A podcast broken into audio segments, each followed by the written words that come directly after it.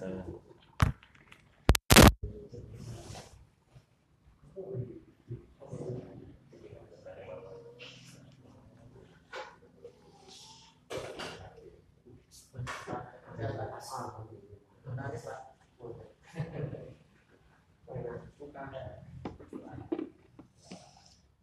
عليكم ورحمة الله وبركاته. بسم الله الرحمن الرحيم. ta'ala wa nasta'inuhu wa nastaghfiruh. Wa na'udzu billahi min shururi anfusina wa min sayyiati a'malina. May yahdihillahu fala mudilla lahu wa man yudlil fala hadiya lahu. واشهد ان لا اله الا الله وحده لا شريك له واشهد ان محمدا عبده ورسوله صلى الله عليه وعلى آله وأصحابه ومن تبعهم بإحسان إلى يوم الدين. أما بعد فإن أصدق الحديث كتاب الله وخير الهدي هدي نبينا محمد صلى الله عليه وسلم وشر الأمور محدثاتها فإن كل محدثة بدعة وكل بدعة ضلالة وكل ضلالة في النار. Ma'asyiral ikhwah rahimani wa rahimakumullah. Walhamdulillah pada malam hari yang berbahagia ini Allah Subhanahu wa taala senantiasa memberikan kenikmatan-kenikmatannya yang sangat banyak kepada kita semua. Yang hendaknya baik kita untuk mensyukuri kenikmatan-kenikmatan tersebut. Di antara kenikmatan tersebut adalah kita bisa duduk di majelis ta'lim, mempelajari ilmu agama. Baik insyaallah pada malam hari ini kita akan melanjutkan membaca kitab Mahia As-Salafiyah. Kitab karya Syekh Abdullah Al-Bukhari hafizahullah taala.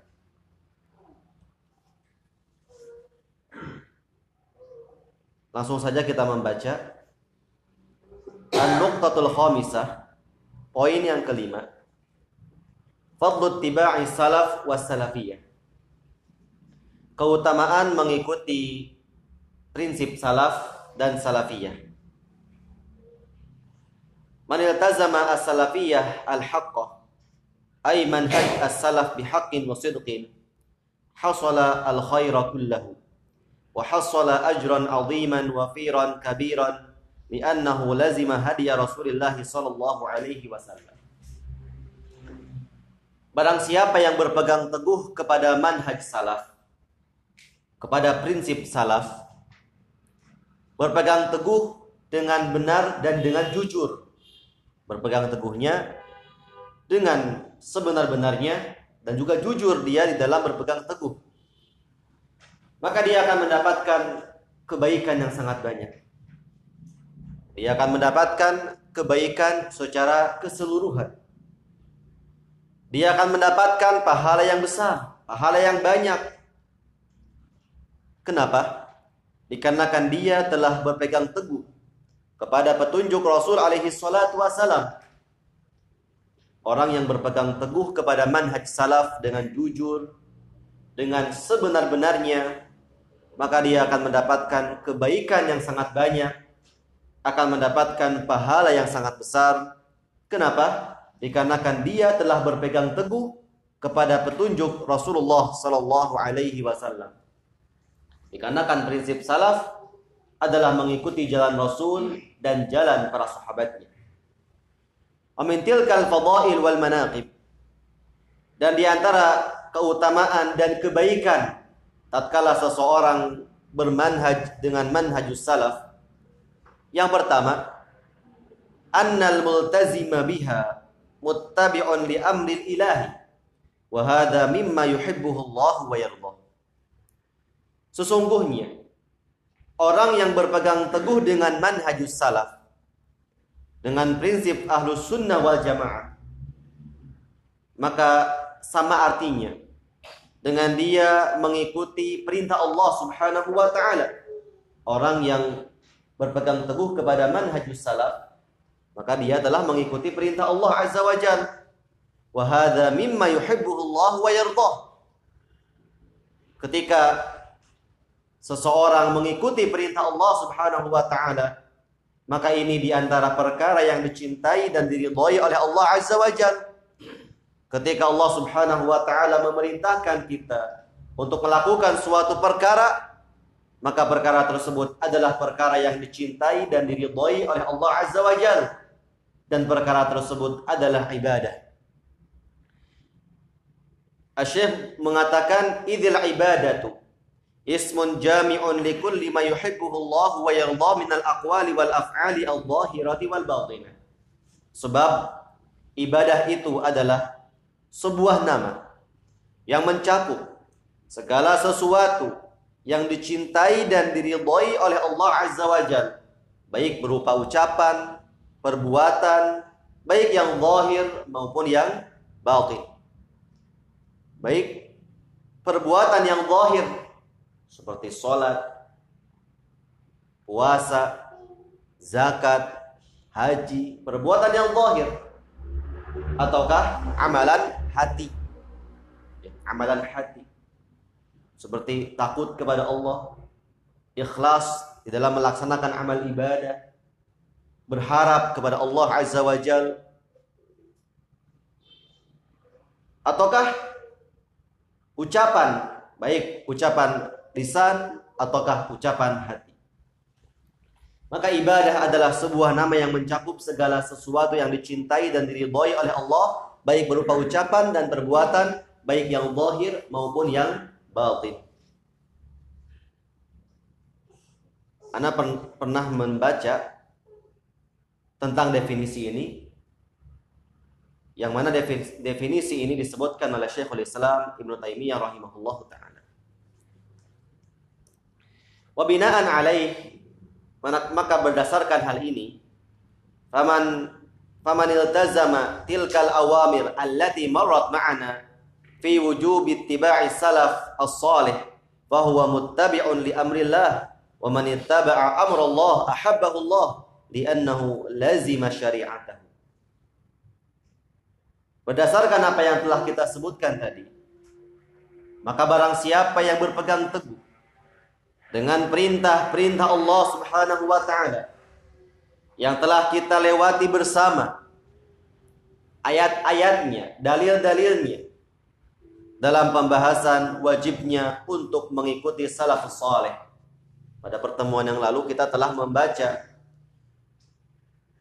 dalil-dalil yang dibawakan oleh Imam Ibnu Qayyim rahimahullah yang menunjukkan wajibnya untuk mengikuti pendahulu kita yang soleh dari kalangan sahabat Rasulullah Sallallahu Alaihi Wasallam.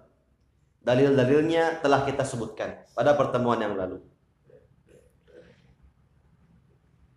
Maka ketika seseorang berpegang teguh kepada manhajus salaf, dia meniti jalan Rasul dan meniti jalan para sahabatnya, maka sama artinya dengan dia mengikuti perintah Allah Subhanahu wa taala. Dan barang siapa yang mengikuti perintah Allah Azza wa Jal, maka Allah Subhanahu wa taala akan mencintainya. Dikarenakan dia telah berpegang teguh kepada syariat Allah Subhanahu wa taala. Ketika seseorang mengikuti perintah Allah Subhanahu wa taala, Allah Subhanahu wa taala akan mencintainya karena dia telah berpegang teguh kepada syariat Allah Subhanahu wa taala. Ini yang pertama. Sesungguhnya berpegang teguh dengan prinsip salaf sama artinya dengan dia mengikuti perintah Allah Azza wa Jal dan ini di antara perkara yang dicintai dan diridhai oleh Allah Subhanahu wa taala. Kemudian yang kedua, annal multazima biha muhassilun li hidayati was salamati minad dhalali waz Sesungguhnya orang yang berpegang teguh dengan prinsip salaf, dengan manhajus salaf, adalah orang-orang yang mendapatkan hidayah, mendapatkan petunjuk, mendapatkan keselamatan dari kesesatan dan penyimpangan. Maka orang yang berpegang teguh dengan manhajus salaf, adalah orang yang mendapatkan hidayatut taufik dari Allah Subhanahu wa taala. Dan dia pun akan mendapatkan keselamatan. Keselamatan dari kesesatan dan penyimpangan. Sebagaimana yang telah kita sebutkan pada pertemuan yang lalu. Di antara nama salaf, nama ahlu sunnah wal jamaah, di antara namanya adalah al-firqatun najiyah. Kelompok golongan yang selamat. Kenapa dikatakan sebagai golongan yang selamat? Dikarenakan dia selamat di dunia dan di akhirat. Selamat di dunia dari kesesatan dan penyimpangan.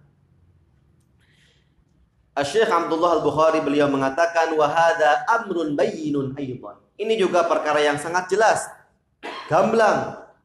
Dalla alaihi hadits Jabir inda Muslim fi sahih dalilnya adalah hadis dari sahabat Jabir bin Abdullah radhiyallahu taala anhu yang dikeluarkan oleh Imam Muslim. Hadis yang sahih. Qauluhu sallallahu alaihi wasallam, Ar-Rasul alaihi salatu wasallam beliau bersabda, fi hajjatil wada' pada saat peristiwa haji wada'. Taraktu fikum ma lan tadillu bihi in i'tasamtum bihi kitab Allah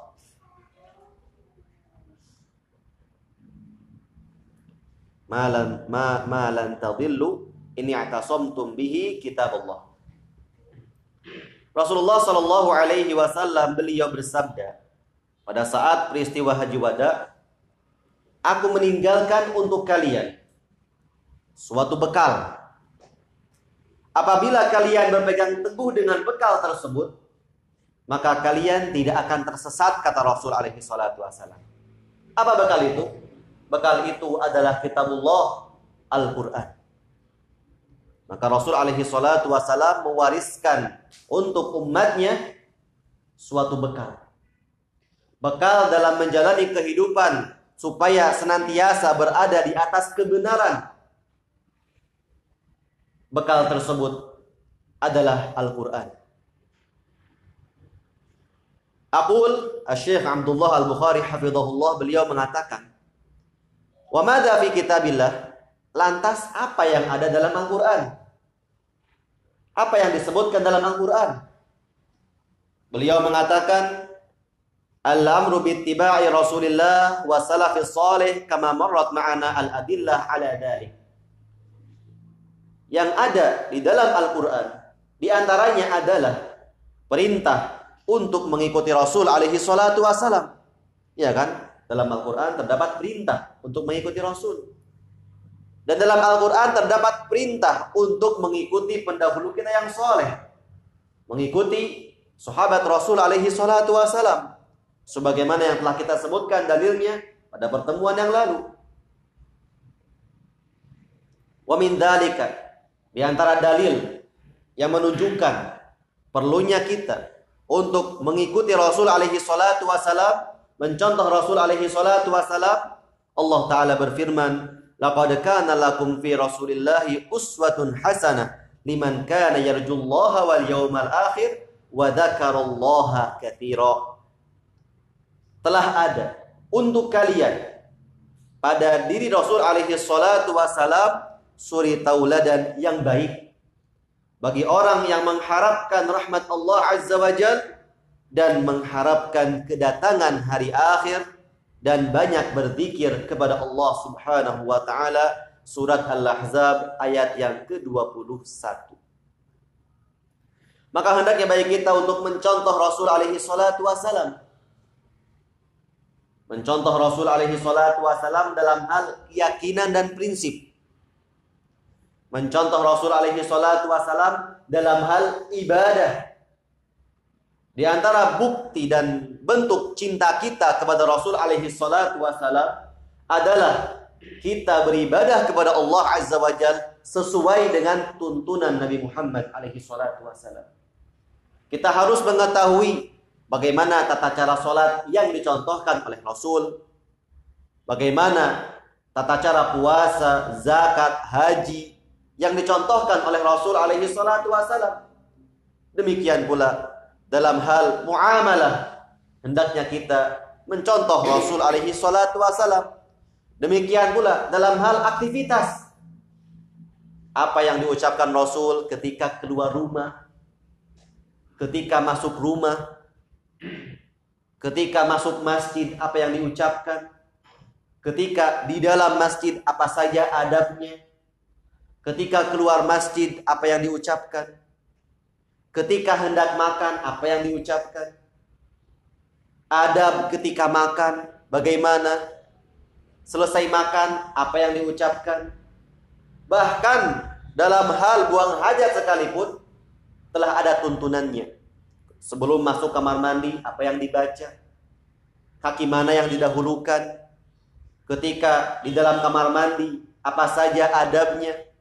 Menghadap ke arah mana? Seusai buang hajat, apa yang dia lakukan? Kemudian ketika keluar dari kamar mandi, apa yang dibaca? Dalam hal buang hajat saja, ada tuntunannya dari Rasul alaihi salatu wassalam maka hendaknya bagi kita untuk mencontoh Rasul alaihi salatu wasallam. Walhamdulillah kita juga sedang mempelajari ya di masjid ini juga di musola ini tentang kehidupan Rasul alaihi salatu wasallam dalam kitab Syama'il Muhammadiyah. Di situ disebutkan tentang akhlak Rasul, kehidupan Rasul alaihi salatu wasallam. Demikian pula adab ketika tidur ada adab-adabnya. Sebelum tidur, apakah perlu untuk membersihkan tempat tidur terlebih dahulu? Apa yang dibaca sebelum tidur? Apa saja dikirnya? Kemudian bagaimana mengarahnya ketika tidur miring ke sebelah mana? Dan ketika bermimpi, ketika mimpinya baik, bagaimana adabnya? Ketika mimpinya buruk, Bagaimana pula adabnya? Apa yang harus dia lakukan ketika terbangun dikarenakan mimpi buruk? Demikian pula kapan Rasul alaihi salatu wasallam mulai tidur dan kapan Rasul alaihi salatu wasallam bangun untuk melaksanakan sholat malam. Ini semua ada tuntunannya dari Rasul alaihi salatu wasallam dan perlu bagi kita untuk mengetahuinya supaya kita bisa mencontohnya. Dan ini terdapat dalam pelajaran adab, pelajaran akhlak, demikian pula dalam pelajaran Asy-Syama'il Muhammadiyah. Kemudian berkata Imam Ibnu Qayyim rahimahullahu taala tatkala menjelaskan ayat ini yaitu surat Al-Ahzab ayat yang ke-21 yang tadi kita baca. Hadhil ayah aslun kabirun fi ta'assi bi Rasulillah sallallahu alaihi wasallam. Ayat ini merupakan pokok dasar yang besar di dalam meneladani Rasul alaihi salatu wasalam fi aqwalihi wa af'alihi wa ahwalihi. Meneladani Rasul alaihi salatu wasalam dalam hal ucapan beliau, perbuatan beliau dan keadaan-keadaan beliau alaihi salatu wasalam. Walihada amar Allah subhanahu an-nasa bi ta'assi bin nabi alaihi salatu wasalam yaumal ahzab fi sabrihi wa musabaratihi wa murabatatihi wa mujahadatihi wa intidari al-faraj min rabbih maka oleh karena itulah Allah subhanahu wa ta'ala memerintahkan manusia untuk meneladani Rasul alaihi salatu wasalam di saat perang Ahzab dalam hal kesabaran beliau, dalam hal menguatkan kesabaran beliau, dalam hal siap siaganya beliau, dalam hal bersungguh-sungguhnya beliau ketika berjihad, demikian pula dalam hal menunggu jalan keluar dan pertolongan dari Allah Azza wa Jalla. Maka di antara perkara yang perlu untuk kita lakukan adalah hendaknya bagi kita untuk membaca kisah Rasul alaihi salatu wasalam di saat perang Ahzab. Di situ kaum muslimin diuji oleh Allah Subhanahu wa taala.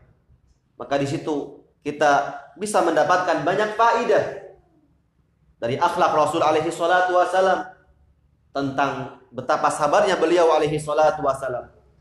Betapa siaganya Rasul alaihi salatu wasalam.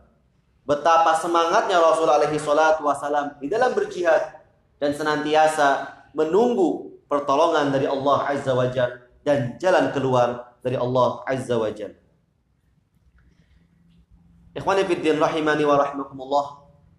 Nabi Muhammad alaihi salatu wasalam beliau memiliki jiwa pendidik. Beliau memiliki sikap berkasih sayang terhadap umatnya. Maka hendaknya bagi kita semua untuk mencontoh Rasul alaihi salatu wasalam di dalam tarbiyah, di dalam dakwah yang kita tegakkan ini.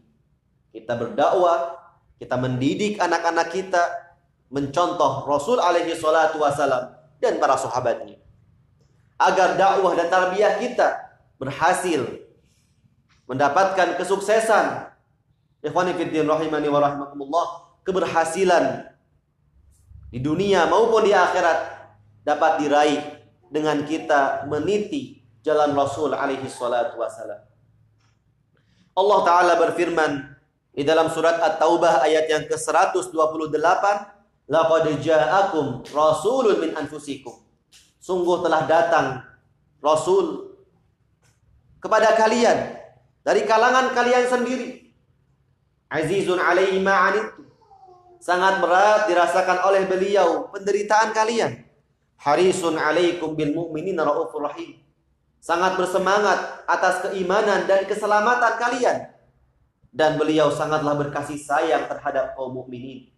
Itulah sifat Rasul alaihi salatu wasalam. Maka Rasul alaihi salatu wasalam sangatlah sayang terhadap umatnya jalan-jalan kebaikan yang dapat mengantarkan seorang hamba kepada keriduan Allah, kepada jannah Allah Azza wa Jal telah disampaikan, telah dianjurkan oleh Rasul alaihi salatu. Dan jalan-jalan kesesatan, jalan-jalan penyimpangan yang dapat menjauhkan seorang hamba dari Allah, yang dapat menyebabkan kemurkaan Allah, yang dapat menjerumuskan hamba ke dalam neraka Allah Azza wa Jal. Jalan-jalan tersebut telah diperingatkan oleh Rasul alaihi salatu. Dikarenakan Rasul alaihi salatu ingin kita mendapatkan hidayah, ingin kita selamat. Disebutkan dalam hadis yang dikeluarkan oleh Imam Muslim dari sahabat Jabir bin Abdullah radhiyallahu taala anhu. Rasulullah sallallahu alaihi wasallam beliau bersabda, Mathali wa mathalukum kama thali rajulin aw qadana. Faja'ala al-janadib wal farash yaqana fiha wa huwa anha. Permisalanku dengan kalian kata Rasul alaihi salatu wasalam. Ibarat seorang yang menyalakan api di malam hari di tempat terbuka. Maka mulailah serangga-serangga malam, hewan-hewan malam masuk ke dalam api tadi. Sementara orang tersebut tak menghalangi jangan sampai serangga-serangga tadi masuk ke dalam api. Dapat membahayakan nyawa mereka. Wa ana akhidun bihujazikum 'anil nar wa antum yatafallatuna min yadi kata Rasul. Dan aku memegang pinggang-pinggang kalian agar jangan sampai masuk ke dalam api neraka.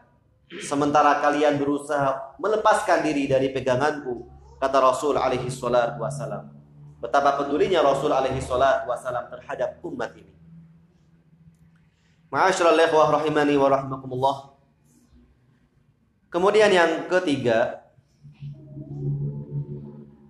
annal multazima biha ma'sumun wa aminun minal wuku'i wa ikhtilafi al-madmum wal firqati al-madmumah.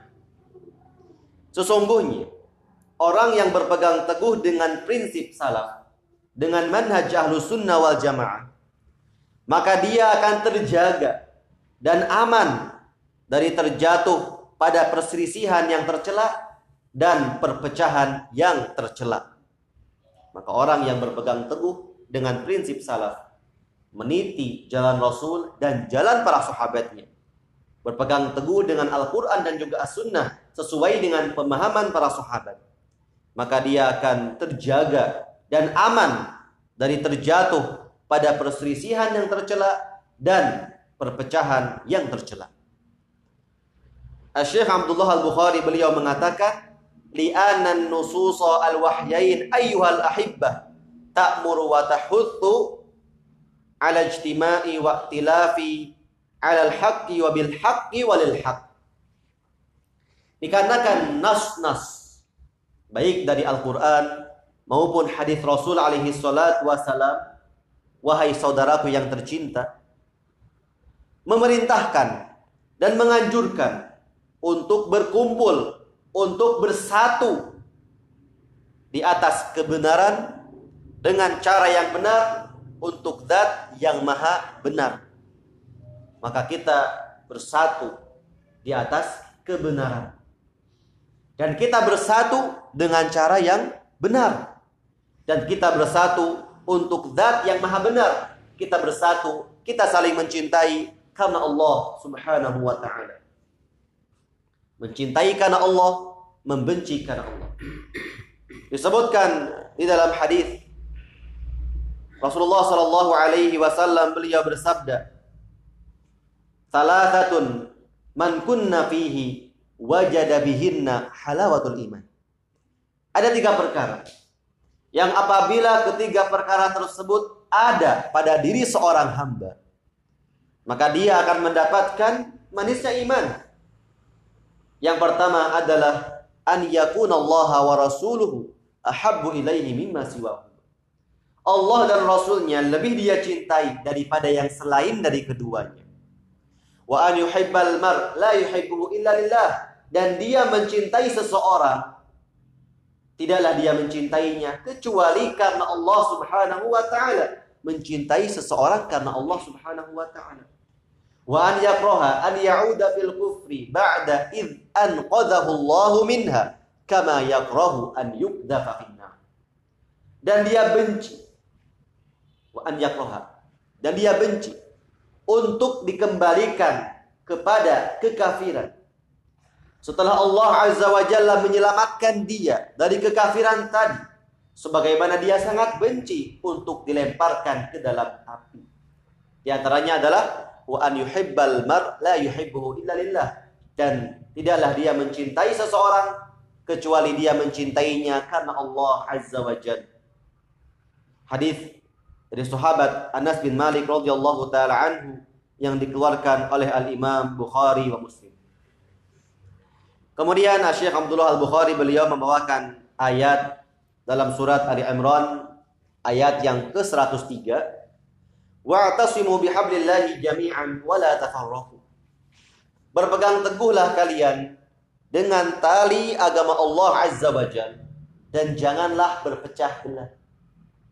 Allah melarang kita dari perpecahan. Jangan berpecah belah. Bersatulah di atas agama Allah Azza wa Jal. Bersatulah di atas al-haq. Wala tafarraqu. Janganlah berpecah belah. Wadhkuru ni'matallahi alaikum Ingatlah nikmat Allah Azza wa Jal atas kalian. Id kuntum a'da'a. Di masa dahulu, di masa jahiliyah. Kalian bermusuh-musuhan. Fa'allafa baina qulubikum. Maka Allah Azza wa Jal mempersatukan hati-hati kalian. Fa'asbahtum bi ni'matihi ikhwana. Maka jadilah kalian dengan nikmat Allah Azza wa Jal menjadi kaum muslimin yang bersaudara wa kuntum ala syafa hufratin minan nar fa anqadakum minha. Dan kalian dahulu berada di tepi jurang neraka, lalu Allah Subhanahu wa taala menyelamatkan kalian darinya. Kadzalika yubayyinullahu ayatihi la'allakum tahtadun. Demikianlah Allah Azza wa Jalla menjelaskan ayat-ayatnya agar kalian mendapatkan petunjuk. Wa yaqulu jalla wa ala Allah Subhanahu wa taala berfirman di dalam surat Ar-Rum ayat yang ke-31 sampai ayat yang ke-32. Wala takunu minal musyrikin.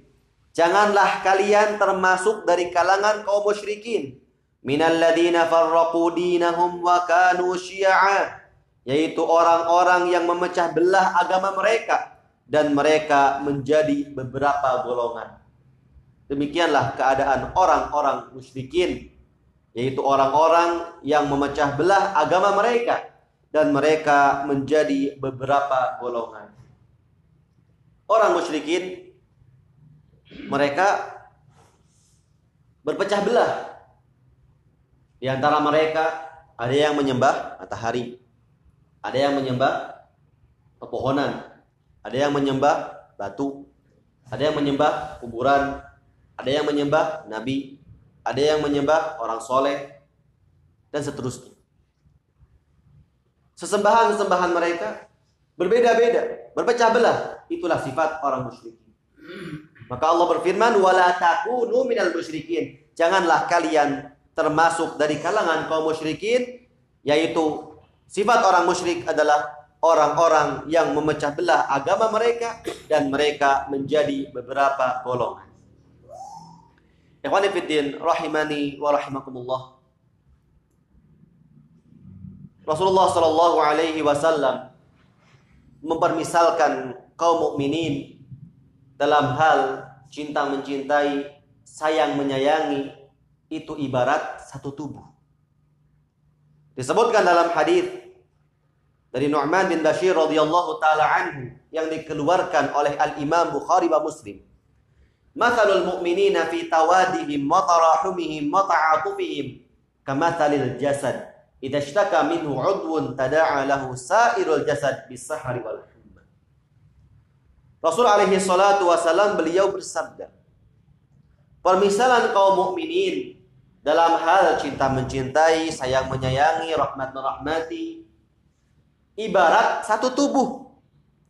Apabila ada bagian dari tubuh tadi merasakan kesakitan, merintih, maka anggota tubuh yang lainnya ikut merasakan sakit. Sehingga tidak bisa tidur malam, dan rasa demam pada badannya. Dan hal itu mungkin pernah kita rasakan. Contoh kaki disengat oleh serangga. Kakinya bengkak. Yang bengkak kaki, yang disengat kaki. Namun badan gergesi. Apa itu gergesi? Panas apa? Panas dingin ya. Demam. Kemudian susah tidur. Kenapa? Karena kakinya disengat serangga atau disengat hewan yang berbisa. Kaki yang sakit tetapi seluruh badan ikut merasakan. Demikian pula Rasulullah Shallallahu Alaihi Wasallam bersabda dalam hadis dari sahabat Anas bin Malik radhiyallahu taala anhu yang dikeluarkan oleh Imam Al Bukhari wa Muslim. La yu'minu ahadukum hatta yuhibba li akhihi ma yuhibbu li nafsihi. Tidaklah sempurna keimanan salah seorang di antara kalian sampai dia mencintai untuk saudaranya apa yang dia cintai untuk dirinya sendiri. Ia mencintai untuk saudaranya apa yang dia cintai untuk dirinya sendiri. Dikatakan oleh Imam Ibnu Rajab rahimahullahu taala maka hadis ini menunjukkan kepada kita bahwasannya seorang mukmin dia senang terhadap segala sesuatu yang menyenangkan saudaranya. Ketika saudaranya senang, dia pun ikut senang. Dan dia menginginkan supaya saudaranya mendapatkan apa yang dia inginkan dari berbagai macam kebaikan. Dia mendapatkan nikmat, maka dia pun senang kalau saudaranya mendapatkan kenikmatan sebagaimana yang dia rasakan. Dia mendapatkan nikmat berpegang teguh dengan Al-Quran dan juga As-Sunnah sesuai dengan pemahaman dan pengamalan para sahabat. Maka dia pun ingin saudaranya ingin kaum muslimin yang lain merasakan nikmat yang dia rasakan. Dan hal ini adalah bersumber dari hati yang selamat selamat dari sifat khianat dan selamat dari sifat hasad, iri dan dengki karena sifat hasad, iri dan dengki akan mengharuskan pemiliknya untuk membenci orang yang mengunggulinya dalam kebaikan atau menyamainya. Dikarenakan dia ingin menjadi orang yang berbeda dengan orang lain dengan keutamaan-keutamaan yang ada pada dirinya. Adapun orang yang memiliki sifat hasad, iri dan dengki, dia ingin berada di atas. Mungkin dia memiliki suatu keahlian dalam satu bidang maka dia ingin dialah yang paling atas di dalam bidang tersebut. Ketika ternyata ada orang lain yang menyamainya atau bahkan mengunggulinya, dia tidak suka. Dia hasad, iri dan dengki dengan orang yang mengunggulinya tadi. Kemudian beliau melanjutkan dan keimanan menuntut perkara yang bertolak belakang dengan perkara tersebut, yaitu dia harus mencintai saudaranya. Ia menginginkan supaya saudaranya mendapatkan kebaikan sebagaimana kebaikan yang telah Allah Subhanahu wa taala berikan kepadanya tanpa mengurangi haknya. Dan Allah Subhanahu wa taala memuji orang-orang yang tidak menginginkan kesombongan dan kerusakan di muka bumi. Allah Subhanahu wa taala berfirman di dalam surat Al-Qasas ayat yang ke-83. Tilka darul akhirah naj'aluha lilladina la yuriduna 'uluwan fil ardi wala fasada. Itulah negeri akhirat. Yang kami jadikan lilladina la yuriduna 'uluwan. Yaitu bagi orang-orang yang tidak menginginkan kesombongan dan kerusakan di muka bumi. Rahimani wa. Kemudian kita baca penjelasan dari Syekh Abdullah Al-Bukhari hafizahullah. Beliau mengatakan, "Wa fi hadithi al-Irbad alladhi marra ma'ana." Dan telah datang dalam hadis dari sahabat Irbad bin Sariyah yang telah kita lewati bersama. Qauluhu sallallahu alaihi wasallam, Ar-Rasul alaihi salatu wasallam beliau bersabda, "Fa innahu man ya'ish minkum fasayara ikhtilafan katsira." Maka sesungguhnya orang yang masih hidup di antara kalian sepeninggal akan melihat perpecahan yang sangat banyak. Ka'annahum qalu lahu seakan-akan para sahabat mengatakan kepada Rasul, "Kaifa ismah ya Rasulullah?" Lantas bagaimana supaya kita terjaga? Bagaimana cara agar kita terjaga? Wahai Rasulullah, wa kaifan najah? Dan bagaimana cara agar kita selamat? Ajabahum. Maka Rasul menjawab, Fa'alaikum bisunnati. Wajib bagi kalian untuk berpegang teguh dengan sunnahku, kata Rasul. Wa sunnatil khulafa'ir rasyidin al-mahdiyin. Dan sunnah al-khulafa ar-rasyidin al-mahdiyin. Qala Imam al-Baghawi rahimahullah. Berkata Imam Baghawi di dalam kitabnya Syarh Sunnah mu'alliqan ala hadis Irbad ibn Sariyah radhiyallahu taala anhu menjelaskan hadis dari sahabat Irbad ibn Sariyah radhiyallahu taala anhu fihi di dalam hadis tersebut terdapat isyarat ila zuhuril bid'ah wal ahwa akan munculnya kebid'ahan dan hawa nafsu wallahu a'lam. Fa amara bil luzumi sunnatihi. Maka Rasul memerintahkan untuk berpegang teguh dengan sunnah beliau. Wa sunnatil khulafa'ir rasyidin dan berpegang teguh dengan sunnah al khulafa ar rasyidin yaitu sahabat Abu Bakar, sahabat Umar, sahabat Uthman, sahabat Ali radhiyallahu taala anhum. Wa tamasuk bima wa tamassuki biha bi ablaghi wujuhi al jid wa mujanabati ma uhditha ala khilafiha memegang sunnah tersebut dengan sekuat tenaga serta menjauhi segala sesuatu yang diada-adakan yang berlawanan dengannya.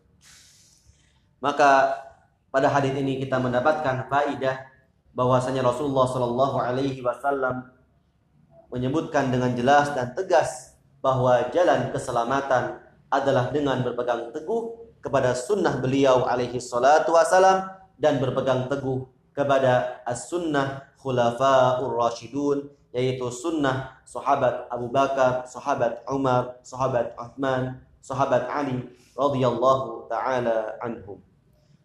Maka marilah kita senantiasa untuk berpegang teguh kepada jalan Rasul alaihi salatu wasalam dan jalan para sahabatnya.